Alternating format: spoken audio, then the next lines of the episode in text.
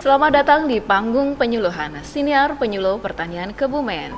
Sahabat Tani, kali ini kita sudah kedatangan beliau Bapak Dr. Sigit Handoko, Koordinator Kerjasama dan Pendayagunaan Hasil Pengkajian dari Balai Besar Pengkajian dan Pengembangan Teknologi Pertanian. Semangat pagi Pak Sigit. Semangat pagi. Semangat pagi. Saya senang sekali nih kalau ada narasumber yang selalu semangat.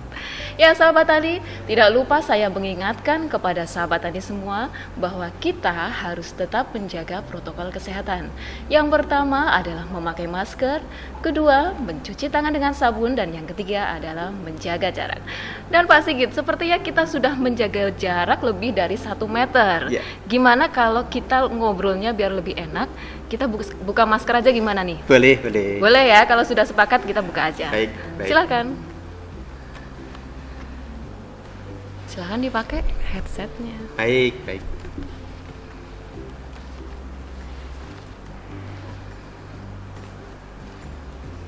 Ya, sahabat tadi, kita sapa dulu Pak Sigit. Pak Sigit, apa kabarnya ini? Alhamdulillah. Alhamdulillah. Sehat ya, Pak Sigit, ya? Sehat walafiat, Mbak Ya, Yuni. di masa pandemi seperti sekarang ini kita harus tetap menjaga kesehatan. Betul begitu ya Pak Sigit ya? Benar sekali. Nah, Pak Sigit ini jauh-jauh dari BBP2TP atau Balai Besar Pengkajian dan Pengembangan Teknologi Pertanian.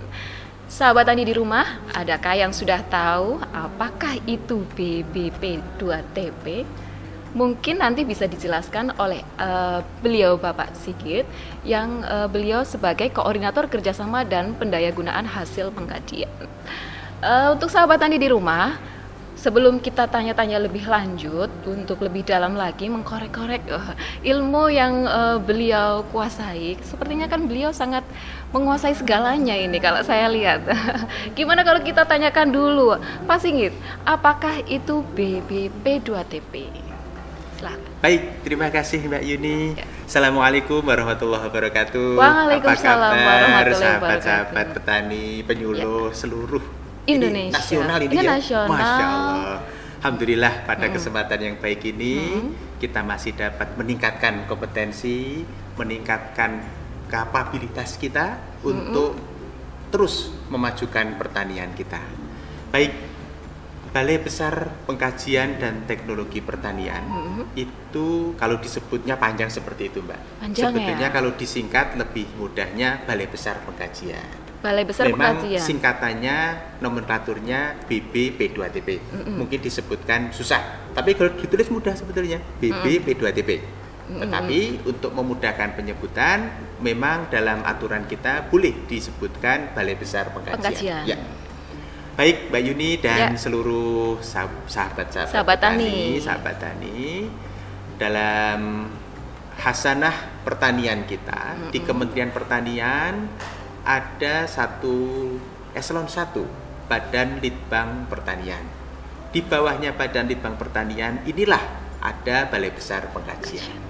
Di sana bersama Balai Besar komoditas lainnya, Mbak.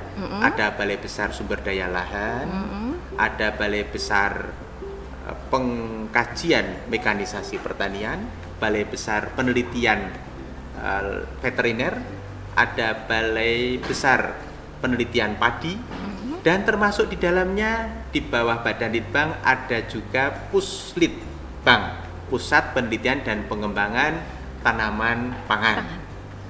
Kemudian ada Puslitbang Hortikultura, ada Puslitbang Perkebunan, dan satu lagi yang ini yang se- ya kalau di Kebumen sangat menarik, Puslitbang Peternakan. Peternakan. Ini kalau ternyata tidak salah juga. di Kebumen ini PO-nya sangat terkenal ya Mbak ya, Sapi PO. PO, Iya, betul. ini sangat cocok Mbak. sangat Di cocok sekali. Puslitbang Peternakan sudah banyak penelitian Mm-mm. terkait dengan sapi PO. Sapi PO. Nah, Balai Besar kembali lagi, Balai Mm-mm. Besar Pengkajian ini merupakan eselon 2 Dua. di bawah Badan Litbang yang memiliki tugas fungsi melaksanakan pengkajian dan pengembangan teknologi pertanian sekaligus mengkoordinasi kinerja dari BPTP yang ada di setiap provinsi seluruh Indonesia. Kalau di Jawa Tengah yang meliputi wilayahnya termasuk Kebumen, itu BPTP Jawa Tengah berada di uh, Ungaran. Posisinya di Ungaran di Kabupaten Semarang. Semarang. Jadi, kalaupun terkait dengan inovasi teknologi pertanian dan perkebunan, itu ujungnya sebagai tolok ukur di wilayah Jawa Tengah adalah BPTP. Balai Besar Balai Pengkajian Teknologi Pertanian. Pertanian. Mengapa Mbak saya katakan demikian? Mm-mm.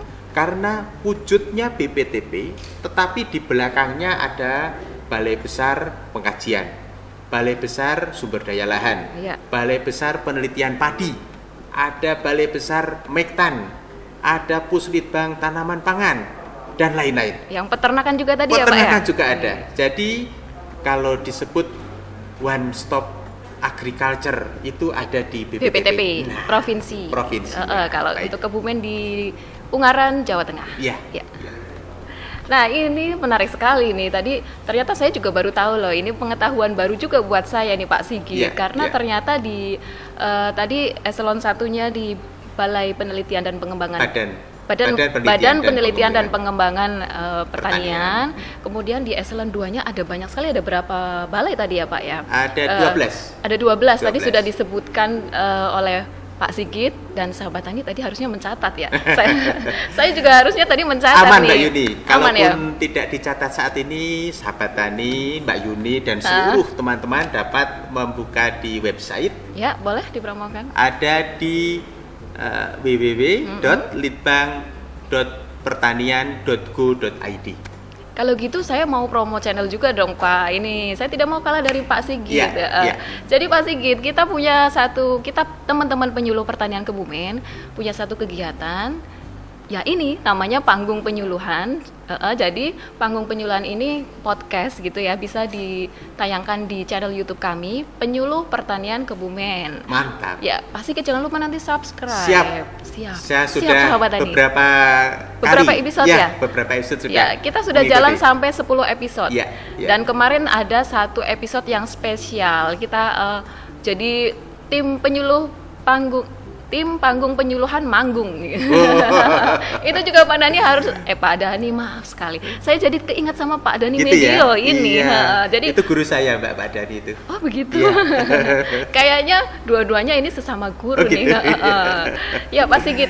Jadi kita Iya. punya sudah sampai 10 episode dan jangan lupa nanti bisa di subscribe juga teman-teman sejawat Pak Sigit mungkin nanti bisa di share ke uh, Siap, lingkup kerja insya Allah Pak Mbak. Sigit. Kami Oke. juga ikut menyebarluaskan informasi ini Oh, ya. terima kasih sekali. Ya, sahabat tani kita lanjut ke- tentang tadi BBP 2TP tadi kan sudah dijelaskan dengan sangat lengkap oleh beliau Pak Sigit. Saya nih ada satu yang mengganjal sebenarnya saya pernah dengar ada istilah Research Extension Linkage atau REL. Nah, itu apa sih sebenarnya? Mungkin sahabat tani di rumah juga penasaran ini apa ini nih. Benar sekali. Mm-mm. Baik, baik. Ini sebetulnya kegiatan yang sangat bermanfaat. Mm-mm. Manfaatnya sangat besar sekali. Kalau rel dalam perkereta apian itu panjang. Iya, betul. Nah, dan ini juga panjang dan besar manfaatnya. Karena dari namanya saja Mbak, Mm-mm, Research riset. Extension Linkage Mm-mm. itu merupakan tautan antara bidang penelitian Ya, sekaligus yang dapat disampaikan, didiseminasikan kepada seluruh pengguna. Kita tahu persis Mbak, Mbak Yuni, Mm-mm. kalau di Badan Litbang Pertanian dan seluruh lembaga yang ada di bawahnya itu secara masif melaksanakan kegiatan penelitian dan pengkajian. Berbagai komoditas, berbagai tema itu semuanya dikaji, diteliti. Tetapi setelah hasil penelitian dan pengkajian itu tersusun rapi, apakah ini serta-merta akan sampai kepada petani Hmm. sebagai pengguna dari teknologi? Tentu tidak. Maka peran teman-teman penyuluh, Ya. baik itu penyuluh dari dinas, dari ASN, bahkan yang sekarang lebih marak lagi ada penyuluh apa Mbak Swakarsa ya, Swadaya. swadaya ya, itu juga tidak kalah pentingnya. Mm-mm. Jadi kita ikut mensupport mereka seluruh inovasi teknologi yang dihasilkan Badan Litbang Mhm. dapat sampai, dapat dimanfaatkan sehingga memberikan nilai plus bagi pengguna Pengguna. khususnya petani kita di seluruh wilayah Indonesia. Indonesia. Nah, ini kita ngobrol membicarakan tentang penyuluh gitu. Penyuluh pertanian kita di Kabupaten Kebumen pada khususnya gitu. Dan sahabat tani kita di rumah juga kan ada beberapa yang teman-teman penyuluh juga. Ini untuk peran penyuluh sendiri. Karena kalau yang ada di BP B saya susah nih nyebutnya dari tadi. Gimana tadi Balai yang Besar yang Pengkajian. Balai Besar Pengkajian Iya. itu sudah mewakili ya, Pak ya. Ya, jadi di Balai Besar Pengkajian itu sendiri kan ada penyuluh pertaniannya juga. Iya. Nah, sejauh mana peran penyuluh pertanian di Balai Besar Pengkajian Baik, tersebut? baik. Seperti yang kita bahas di muka tadi, Mbak Yuni, mm-mm. Balai Besar Pengkajian merupakan eh, memiliki fungsi koordinasi terhadap BPTP, Mm-mm. termasuk di dalamnya ada penyuluh. Maka penyuluh yang ada di Balai Besar Pengkajian tentu skopnya adalah nasional Mm-mm. yang dapat mengakomodir kegiatan-kegiatan penyuluhan dan penyuluh yang ada di BPTP dan di daerah dan itu menjadikan feeding untuk pengembangan penyuluhan yang dapat kita sampaikan kepada badan eh, penyuluhan dan pengembangan SDM di Kementerian Pertanian. Sehingga fungsi dari penyuluh yang ada di Balai Besar Pengkajian itu lebih banyak meramu, Mbak. Lebih Meramu. banyak meramu, Iya. tidak sekedar untuk teknisnya di lapangan. Mm-mm, mm-mm. Tapi justru itu menjadi jembatan yang baik yang harus kita manfaatkan bagi penyuluh-penyuluh di lapangan, penyuluh-penyuluh di daerah, Daerah. untuk menyampaikan aspirasinya untuk lebih mengembangkan kembali apa pun saja terkait penyuluhan. Strateginya, metodenya, itu semuanya dapat dikemas dan disampaikan kepada penyuluh-penyuluh yang ada di balai besar pengkajian itu dapat menjadi feeding yang bagus untuk disampaikan kepada pimpinan yang ada di dalam Badan Penyuluhan dan Pengembangan, Pengembangan SDM.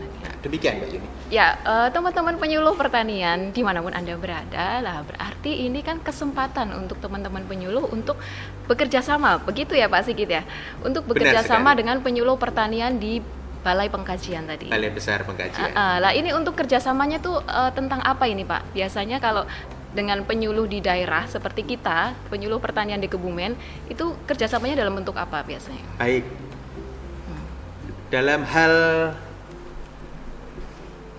kaitan yang kita dukung saat ini, program-program dari Kementerian Pertanian sudah banyak hal Mm-mm. yang tentunya beberapa sudah dilaksanakan di Kabupaten Kebumen.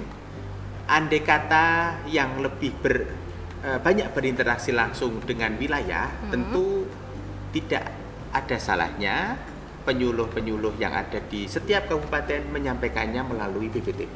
Mm-mm. Nanti dari situ baru kita kemas dan kita bawa ke Balai Besar Balai Besar. Mengenai temanya ataupun eh, komoditas yang akan membuat kerjasama itu menjadi menarik, Mm-mm. kita fleksibel, Mbak. Prinsipnya kalau kita kenal ada IKL, Mbak ya, IKL, Nah, ya. maka itu kita kedepankan. Itu di BPTP kayaknya ya. Iya di BPTP bisa. BPTP. Kita kedepankan. IKL itu yang menjadi kunci utama apa saja sih yang akan Hmm. dapat kita sondingkan. Apa saja yang dapat kita laksanakan dalam penyuluhan kita. Mm-mm. Insya Allah itu akan menjadi lebih pas diterima sesuai kebutuhan para petani Para kita. petani. Iya. Nah tadi IKL gitu, mungkin ada sahabat tani yang kurang paham juga, teman-teman penyuluh juga ada beberapa yang belum tahu, bisa dijelaskan IKL itu apa? Baik. Terkait dengan IKL itu merupakan sarana, Mbak Yuni. Mm-mm. Sarana yang dapat kita peroleh untuk mengetahui kebutuhan apa saja sih yang di lapangan. Mm. Identifikasi kebutuhan lapangan. Lapangan. Mbak. Ya. Maka dengan kita melaksanakan IKL terlebih dahulu, Mm. maka terkait dengan penyuluhan mulai dari strateginya, komoditasnya, bahkan tim yang dalam penyuluhan tersebut Mhm. dapat kita kondisikan menjadi sangat match, sangat cocok karena sudah sesuai dengan IKL yang kita laksanakan. Jadi seperti itu Mbak Yuni. Ya, kemudian ini saya mau menanyakan pertanyaan terakhir kayaknya ini. Ya. Karena obrolan kita sudah lumayan jelas ya untuk sahabat tani di rumah tadi ya. Untuk pertanyaan yang berikutnya, harapan dari Pak Sigit untuk penyuluh pertanian kita atau untuk eh, penyuluhan kita di Indonesia deh, itu apa? Baik. Dalam beberapa tahun terakhir ini Mhm. memang kita ketahui umur para petani kita itu Mm-mm. cenderung eh, menuju ke arah eh, lansia. Betul. Maka menjadi sangat penting seperti sesuai juga yang dilaksanakan dalam program-program Kementerian Pertanian di antaranya adalah penumbuhan petani milenial. Mm-mm. Kalaupun nantinya petani milenial ini kita dorong terus sehingga mencapai pada posisi yang sesuai yang kita harapkan, maka sebetulnya peran penyuluhan semakin kalau ringan tidak sih, Mbak, tapi menantang. Menantang, Semakin bukan berat menantang. ya, bukan berat tapi Kalau menantang. berat, berat enggak juga, Mbak ya? Karena kita harus bisa melaluinya ya, Iya, jangan dibilang benar. berat dulu. ya. Iya, betul. Mm-mm.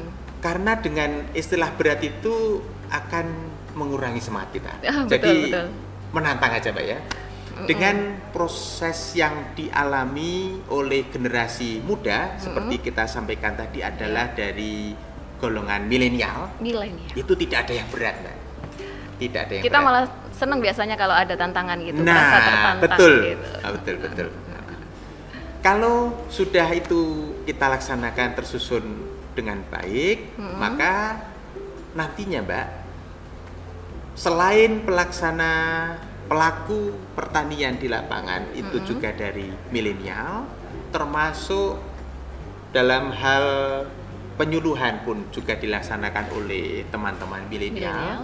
Ini menjadikan kreativitasnya akan semakin baik dan meningkat. Ya, jadi bukan hanya petaninya saja yang harus milenial, Mm-mm. tapi kita para penyuluhnya juga harus milenial Benar biar sekali.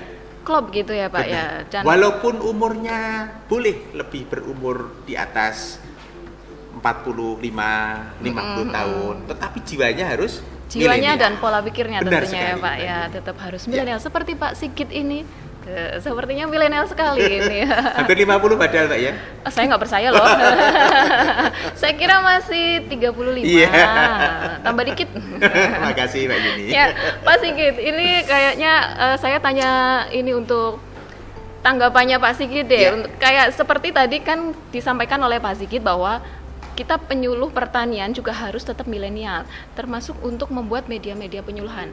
Dan salah satunya yang sedang kita jalankan adalah panggung penyuluhan seperti Ya. ini. Nah, tanggapannya dari Pak Sigit sendiri untuk panggung penyuluhan kita gimana nih Pak? Masya Allah, ini sangat menarik. Apresiasi lah buat Mbak Yuni dan teman-teman. Dan teman-teman tentunya, karena saya sendiri juga tidak mungkin jadi seperti baik, ini. baik. Ya.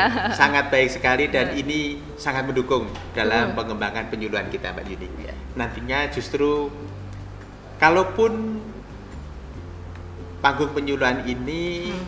kita sharing-sharing terkait dengan inovasi teknologi pertanian, Mm-mm. tidak ada salahnya nantinya Mbak mungkin ada ide di antara petani yang mengala- memperoleh kesuksesan dalam bertani dalam usaha taninya dapat jadi dari yang milenial Mm-mm. itu juga kita undang Jadi narasumber ya Pak? jadi narasumber dan itu akan memberikan semangat bagi teman-teman petani lainnya Ya. itu untuk mencapai keberhasilan yang sama Ya, seperti betul. itu. Ada beberapa petani milenial yang pernah kami undang. Mm-mm, mm-mm. Eh, eh, untuk kemarin komoditas ada melon dengan Ya, sistem verti- vertigasi. Ya, ya. Kemudian ada petani anggur juga yang sekarang benar. sedang marak itu kan Ya, ya. budidaya anggur Pak. Ya, terus nanti kita juga akan rencana mengundang petani-petani yang memang eh, sudah sukses di bidangnya Ya. gitu untuk membangkitkan semangat sahabat tani kita di rumah.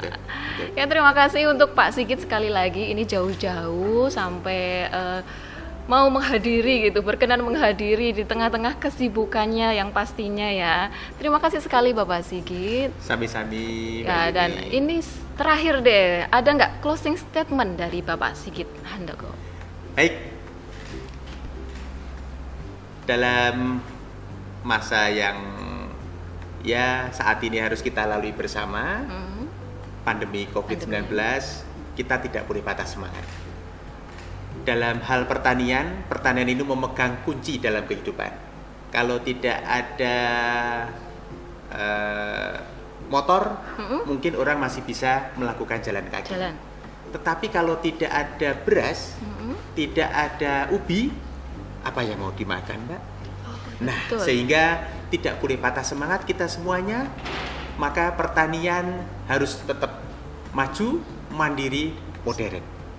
Pertanian harus tetap maju, mandiri, modern. Oke, petani Indonesia berjaya, sejahtera, dan bahagia.